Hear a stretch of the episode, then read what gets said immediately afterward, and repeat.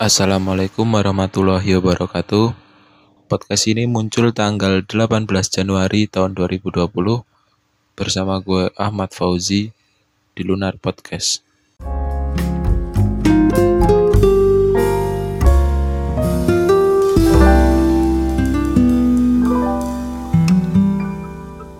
Sebelumnya terima kasih banget yang bakal dengerin podcast ini karena ini adalah podcast pertama gue.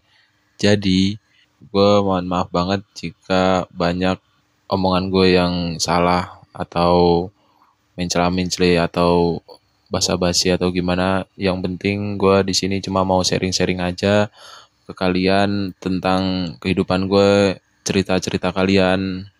Jadi enjoy ya. Pada episode pertama ini gue bakal bawain tema yaitu berkarya dalam keterbatasan.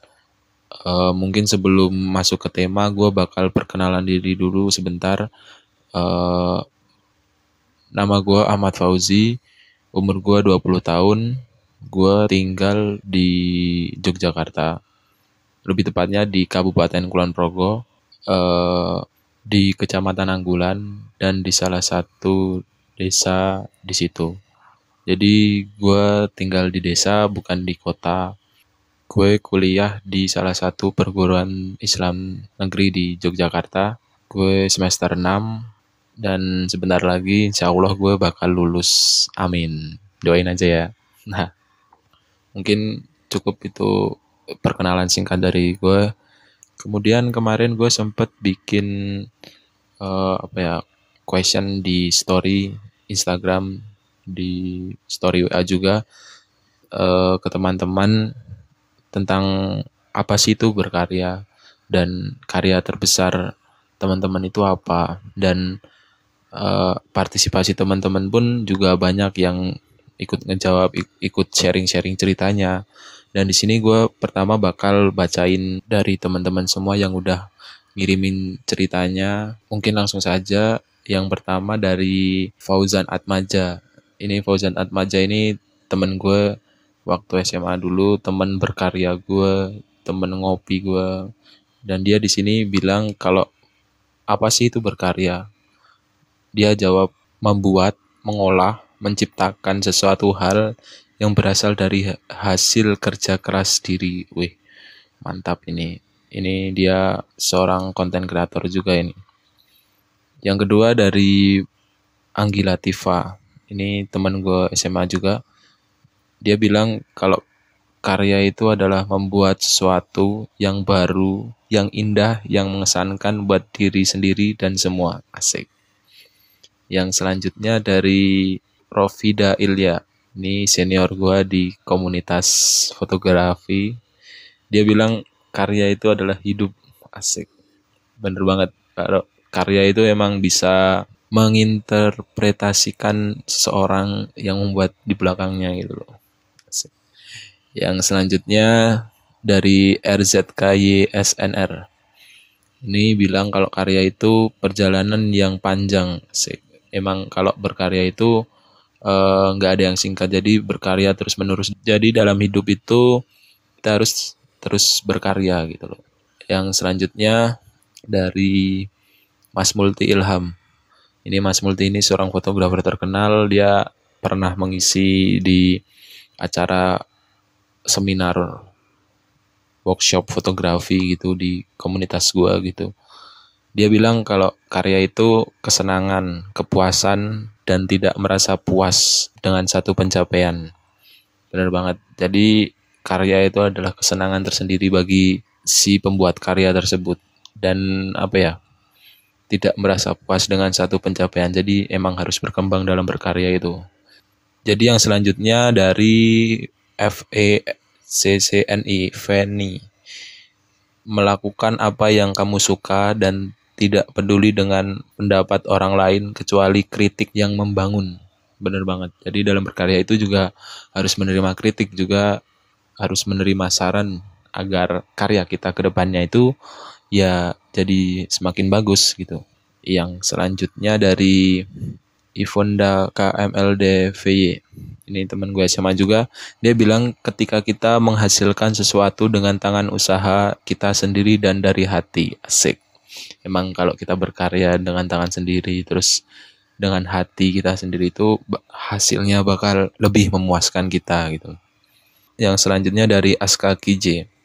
Aska Kije ini adalah senior fotografi gue ya dia bilang kalau karya itu membuat apa pun itu yang bisa dinikmati. Jadi karya itu akhir dari sebuah karya itu ya untuk dinikmati dari si pembuat karya dan untuk orang lain juga itu. Itu mungkin salah satu bukan salah satu sih pendapat teman-teman cerita teman-teman tadi yang udah nge-share di Insta story gue dan kemudian dari WhatsApp juga kemarin ada yang nge-share ceritanya dari Mas Ifit Mas Ifit ini adalah teman gue di komunitas film di kampus.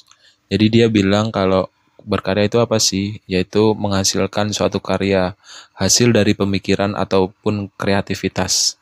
Bisa berupa original, innovation, atau modify. Wih ini bahasanya berat ini.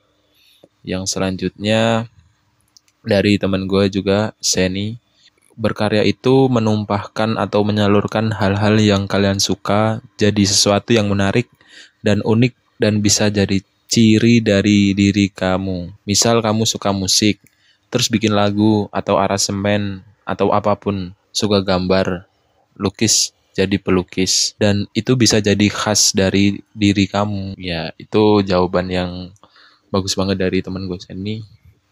Terus ada lagi dari temen gue Devi Ayu dia bilang berkarya itu adalah menciptakan sesuatu hal gabungan antara hati, pikiran, dan kekuatan. Asik. Ini kayak mau ngejurus dia. Tapi emang bener. Jadi berkarya itu harus mengutamakan dan menyatukan hati dan pikiran gitu. Jadi karya yang dihasilkan itu bisa bagus, bisa maksimal gitu. Yang selanjutnya gue sempet tanya juga karya atau pencapaian terbesar dalam hidup lo itu apa sih? Di sini ada yang cerita juga dari satu-satu gue bacain. Yang pertama dari Fanny.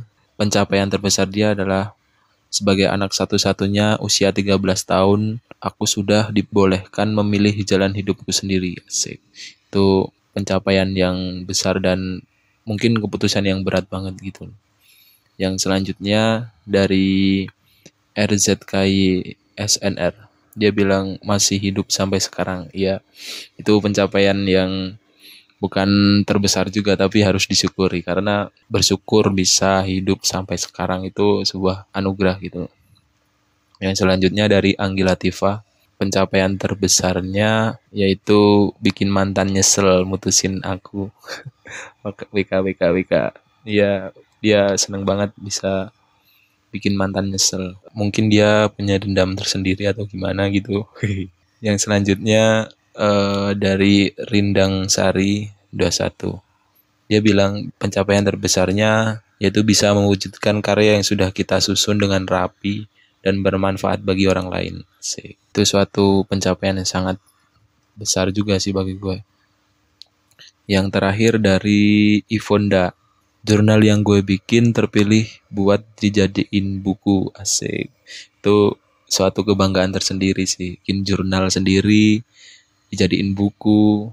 Gila itu suatu pencapaian tersendiri buat Mbak Ivonda mantap.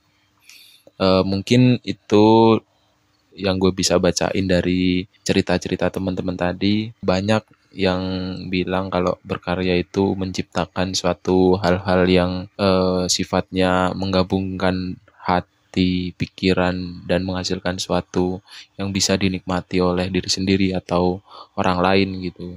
Tapi sebenarnya berkarya itu apa sih? Gue sempet searching-searching di Google itu karya. Karya sendiri itu apa sih artinya? Karya menurut KBB itu adalah pekerjaan, hasil perbuatan, buatan, ciptaan, terutama hasil karangan.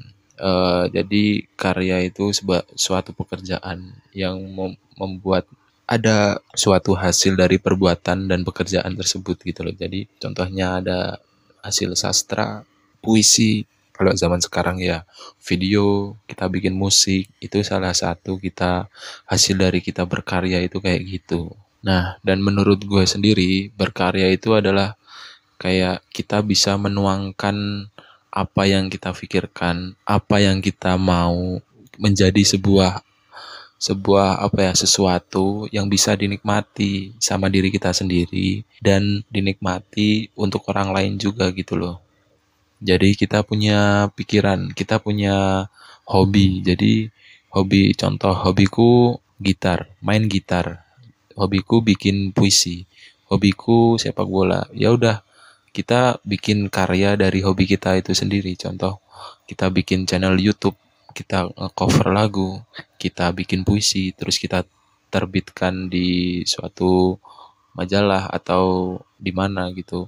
Nah, itu salah satu contoh dari karya karya yang kita isi hati kita, pikiran kita kita tuangkan ke ke tulisan, ke lagu gitu loh. Jadi kita bisa nikmati hasil dari karya itu untuk kita sendiri dan untuk orang lain juga bisa menikmati karya tersebut gitu loh.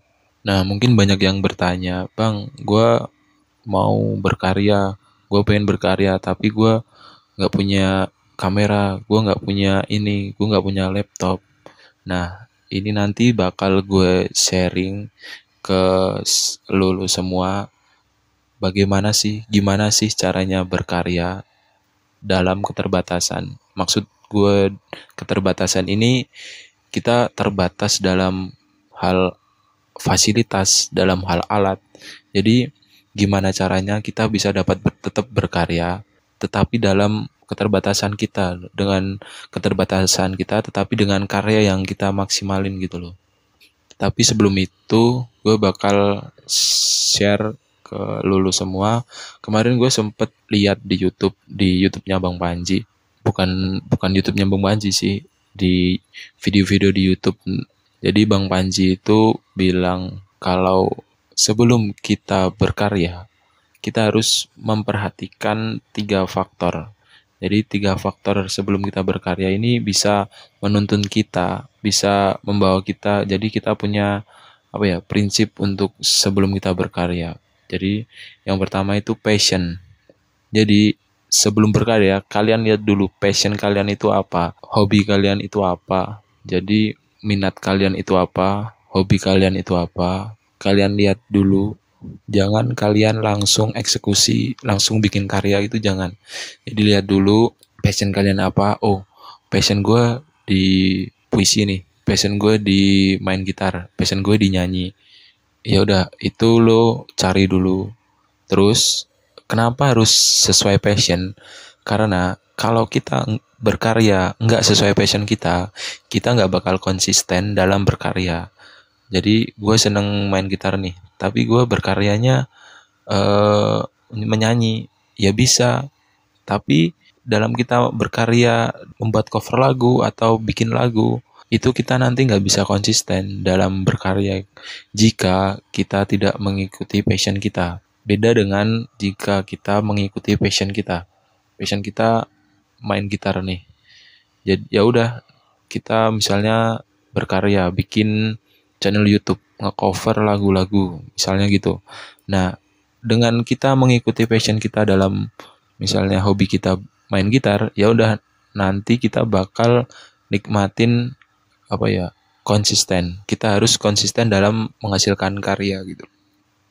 Jadi jika kita mengikuti passion kita dalam berkarya, kita bakal enak, kita bakal enjoy dalam berkarya gitu loh. Yang selanjutnya cerdas dan cerdik dua hal ini harus berjalan dengan beriringan. Jadi cerdas aja nggak cukup gitu loh. Jadi kita harus tahu uh, cerdas itu gimana kita tahu teori dalam apa yang ingin kita buat. Tapi teori itu juga nggak cukup gitu loh. Jadi kita harus cerdik melihat apa ya, melihat di luar sana gimana peluangnya, gimana hambatannya, gimana tantangannya. Jadi kita harus melihat oh gini gini gini. Jadi sebelum kita berkarya juga kita harus lihat ke luar gitu loh dilihat gue besok bakal kayak gini gue bakal berkarya konsisten kayak gini gini gini jadi harus di matangkan gitu loh.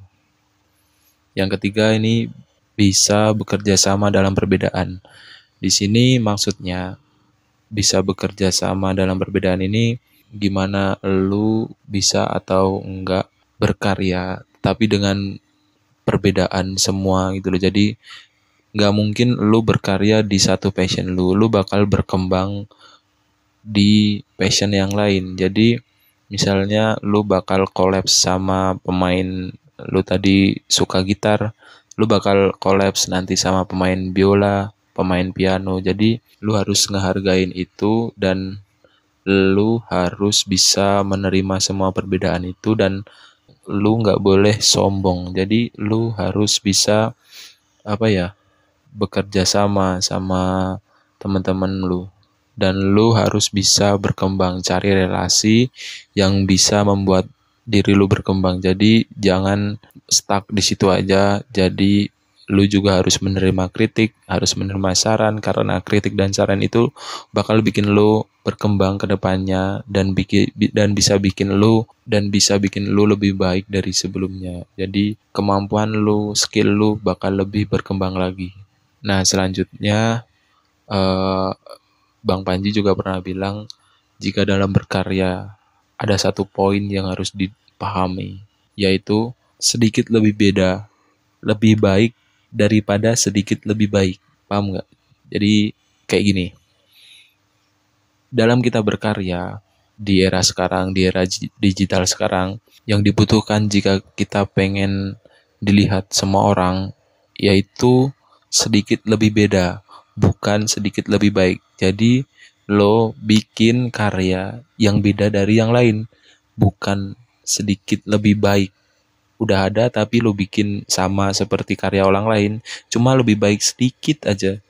Itu nggak bakal itu nggak bakal bukan bukan nggak bakal mungkin dilihat tapi sedikit peluangnya karena karya kalian sama. Beda ceritanya kalau lo bikin karya dengan beda yaitu apa ya karya lu beda sama yang lain. Contohnya lu ngecover. Mungkin banyak di YouTube yang cover lagu pakai gitar gitu. Coba lu bikin lebih beda dikit. Misalnya lu cover lagu pakai gitar di hutan atau yang anti mainstream lu main gitar berlima sama temen lu ya intinya apalah ya ya apalah yang yang intinya itu karya lu beda sama karya orang lain. Dan memungkinkan itu bakal jadi perhatian orang lain dan orang lain itu bakal penasaran eh ini apaan? Pernah kan lu di YouTube itu di beranda ada video yang sekiranya lu belum pernah lihat dan itu aneh dan lu tonton. Dan ya belum bagus amat, nggak bagus amat, tapi dia beda. Karya dia bisa berani beda. Da Sorry, suara gue agak serak. Jadi karya dia itu beda dari yang lain. Jadi mungkin banyak yang nonton daripada karya yang udah ada gitu loh. Jadi karya-karya yang sama itu karya-karya yang sama itu mungkin banyak yang lihat. Cuma yang bakal dilihat itu yang mungkin kualitas mungkin kualitas videonya atau selera orang kan beda-beda. Jadi ya mungkin lihat yang udah terkenal gitu loh. Jadi peluang lo untuk banyak dilihat orang itu sedikit jika lo bikin karya yang sama dengan orang lain cuma lebih baik lebih bagus dikit aja gitu nah itu kan dari Bang Panji tadi gue kutip kalimatnya kalau menurut gue sendiri berkarya itu apa sih yang kita perlukan dalam berkarya? Dalam kalau menurut gue berkar sebelum berkarya itu kita harus menyiapkan ide menyiapkan ide yang kita mau tuangkan dalam karya kita. Yang selanjutnya mungkin apa ya kalau udah punya ide ya lu tuangin jangan lu simpen aja sendiri di pikiran lu. Jadi jangan pendam ide lu sendiri. Jika lu pendam ide lu sendiri lu bakal gak bisa apa ya katanya lu pengen berkarya tapi lu nggak nuangin ide lu. Tapi bang gue nggak punya ini ini ini gue itu cuma alasan lu aja untuk males untuk berkarya.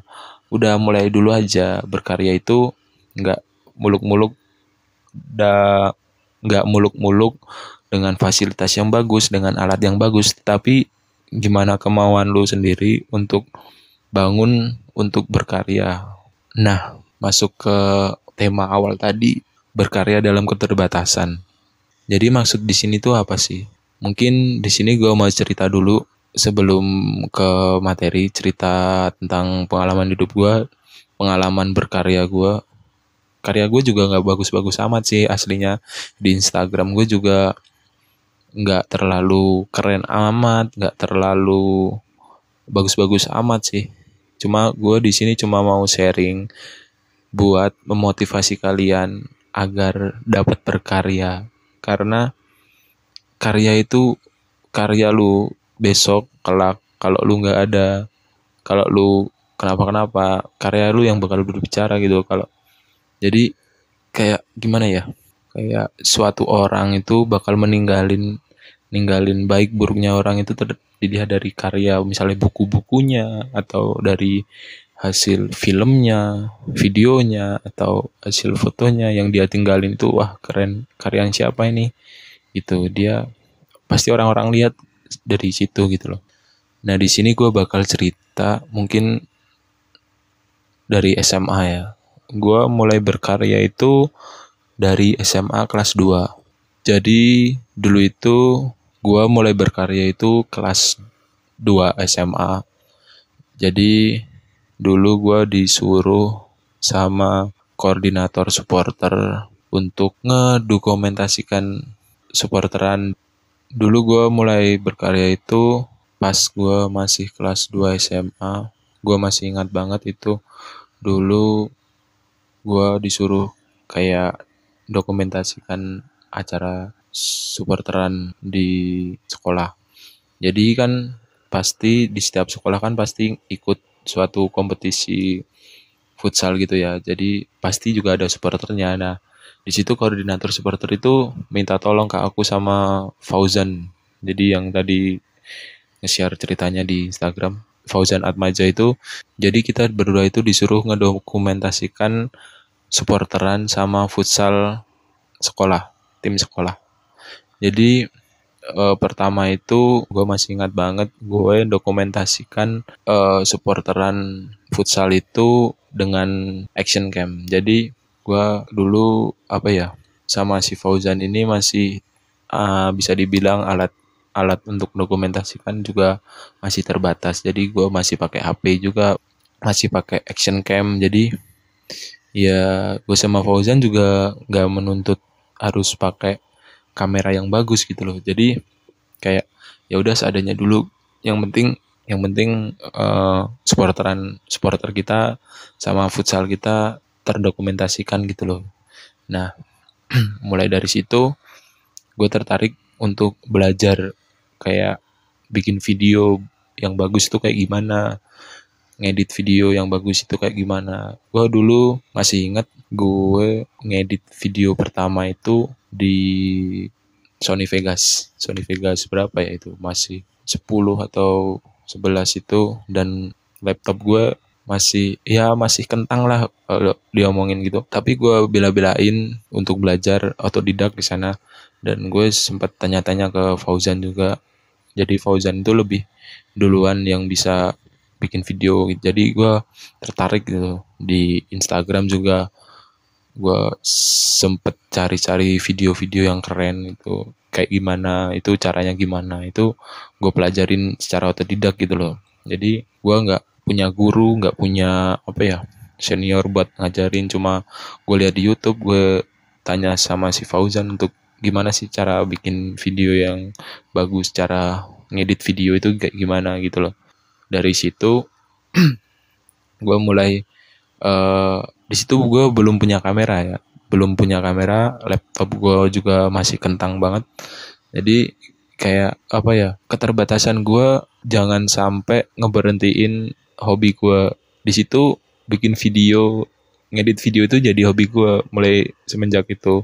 Terus uh, kelas 3 itu gue tetap sering dimintain tolong buat dokumentasiin supporteran dokumentasiin apa uh, tim futsal juga sering dokumentasiin kegiatan-kegiatan kelas gue gue juga sering iseng-iseng uh, bikin video di kelas gitu loh. Terus gue edit terus gue share gitu. Ya banyak banyak juga yang suka gitu loh. Ya mungkin uh, banyak yang suka itu yang yang bikin memotivasi gue jadi lebih semangat untuk bikin video lagi loh. Eh eh besok jangan lupa ya supporteran jangan lupa di videoin bikin video yang bagus gitu loh. Itu kayak oh gue dipercaya buat bikin video buat dokumentasiin uh, supporteran buat dokumentasiin acara sekolah gitu loh. Gue juga seneng gitu loh. Mungkin dari situ kayak apa ya gue lebih termotivasi buat lebih belajar lagi buat nggak mungkin gue kayak ngedokumentasiin bikin video dengan yang itu-itu aja. Pasti ada apa ya harus ada peningkatan ilmu peningkatan skill yang gue harus bisa gitu loh. Lah mulai dari situ gue masih dengan laptop gue yang kentang itu gue tetap belajar gue sharing gue cari temen yang udah pro dalam ngedit video dalam bikin video itu gue tanya ini gimana bang caranya bikin kayak gini? Ini gimana bang nge-shoot video kayak gini? Jadi gue nggak melulu terus apa ya terus belajar sendiri terus gue harus berkembang gitu loh. Berkembangnya dalam arti gue skill gue juga harus berkembang gitu loh. Nah selanjutnya setelah gue lulus gue kuliah terus gue kuliah itu masuk masuk UKM film. Jadi kenapa gue uh, masuk ke UKM film? Ya karena gue pengen ningkatin apa ya skill gue dalam bikin video skill gue dalam bikin film pendek gitu loh. Di situ gue juga masih pakai Sony Vegas Vegas Pro. Belum pakai Adobe Premiere gitu. Nah mulai ikut gabung itu gue juga skill gue dalam bikin video juga belum pro pro amat sih. Jadi masih B aja gitu. Jadi gue masuk ah, terus ada kayak kelas sore gitu di di UKM film gue masuk ke kelas editor editing jadi di kelas editing itu juga gue banyak ilmu yang gue dapet dalam bikin video, bikin film. Gue juga masuk ke kelompok gue yang kesannya apa ya? Di kelompok gue itu orang-orangnya enak, jadi bisa sharing-sharing tentang eh gimana ini shoot yang bagus kayak gimana. Terus gue juga minta saran saran ke mereka, eh ini gimana ngeditnya? Bagus kayak gini apa kayak gini. Jadi gue nggak menutup diri untuk bertanya, gue nggak menutup diri untuk ngasih tahu ke teman-teman yang lain loh teman-teman kelompok gue jadi gue share ke mereka mereka share ke gue juga jadi saling bertukar bertukar ilmu juga gitu loh.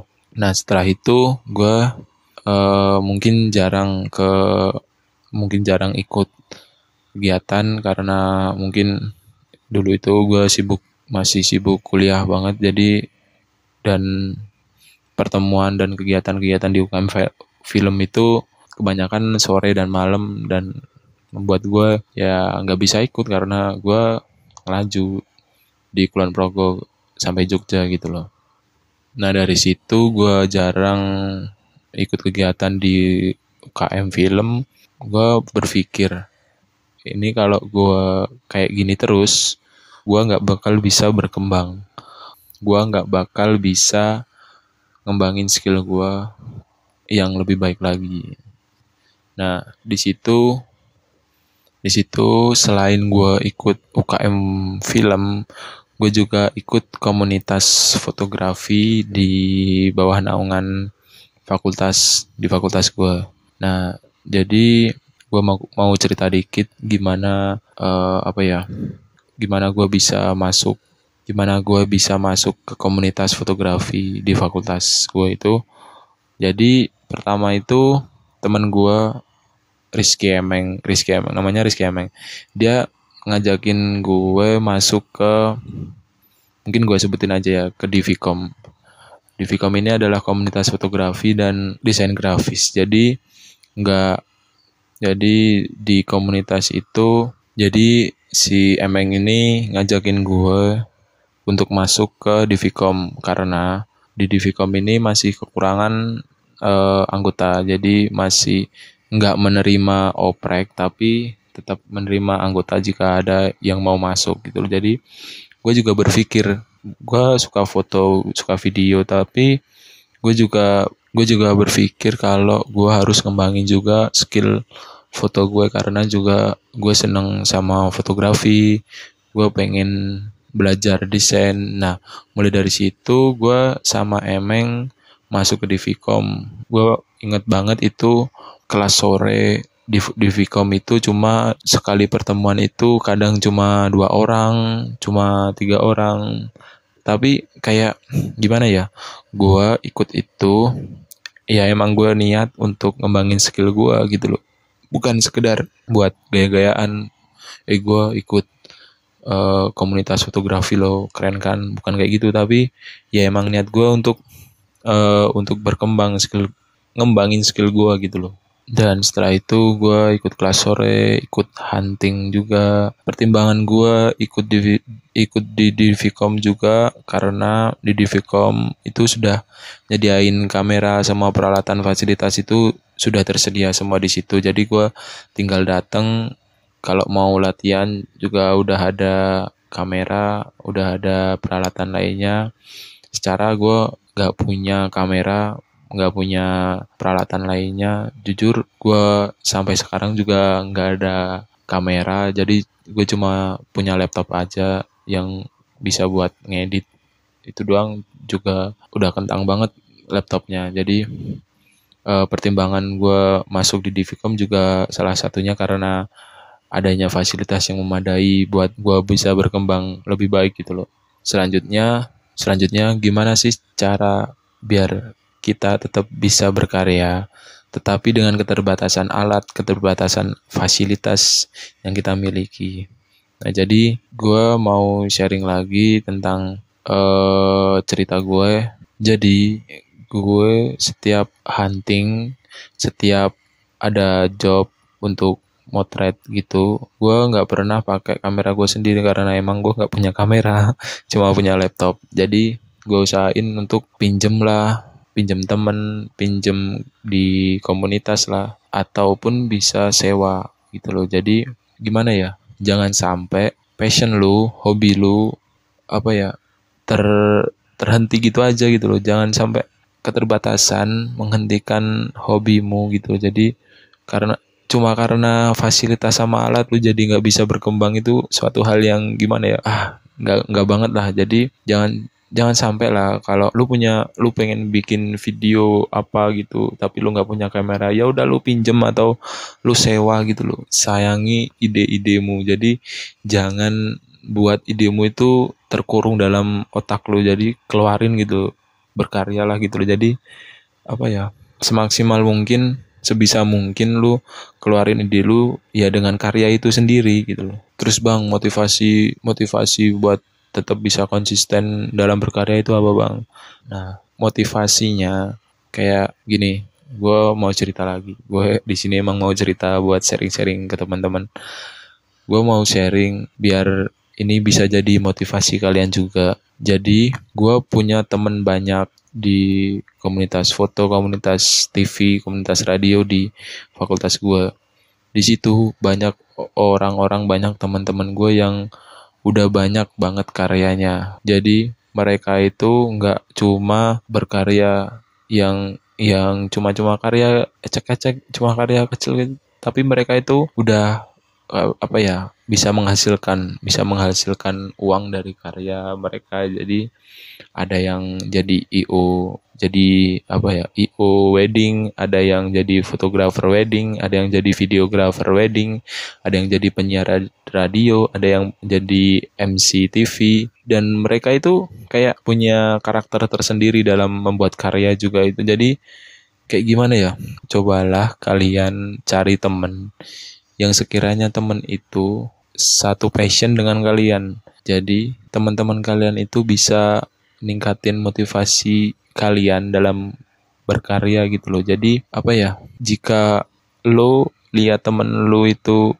berkarya lu jadi termotivasi eh temen gue gak udah punya karya banyak ya udah punya bikin video banyak ya kok udah punya kok udah bisa menghasilkan uang dari karyanya dia ya kok gue nggak bisa ya nah itu sebisa mungkin lu cari temen yang kayak gitu jadi di sisi lain lu bisa ngambil ilmunya dia di sisi lain juga memotivasi lu dalam lu bikin karya gitu loh jadi uh, carilah temen yang bisa memotivasi lu dalam berkarya juga gitu loh dan kembali lagi kenapa gue ambil tema ini karena gue juga sedang berkarya dalam keterbatasan.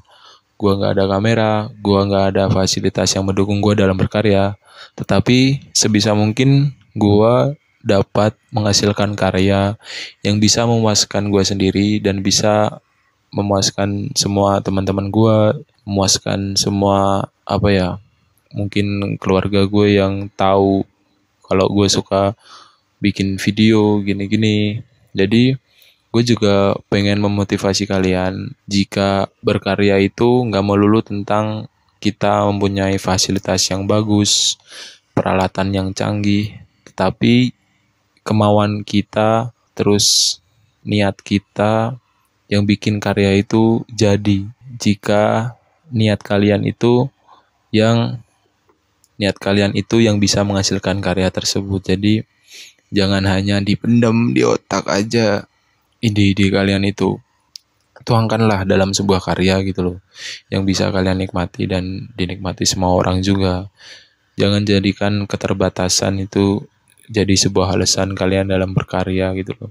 Gue juga pengen berpesan ke teman-teman gue yang mungkin sekarang mereka punya passion, mereka punya hobi, tetapi mereka nggak bisa mengembangkan, bingung cara ngembangin passion mereka gimana. Mungkin dengan kalian uh, menuangkan passion kalian dalam ber, dan berkarya, mungkin bisa jadi salah satu apa ya tips untuk kalian yang bingung untuk gue suka gini tapi gue bingung harus gimana gitu Cobalah untuk bikin suatu karya yang bisa kalian lihat kemudian hari, yang bisa kalian nikmati kemudian hari, yang bisa kalian nikmati bersama anak kalian mungkin besok kelak karena karena kelak yang dilihat itu karya seseorang.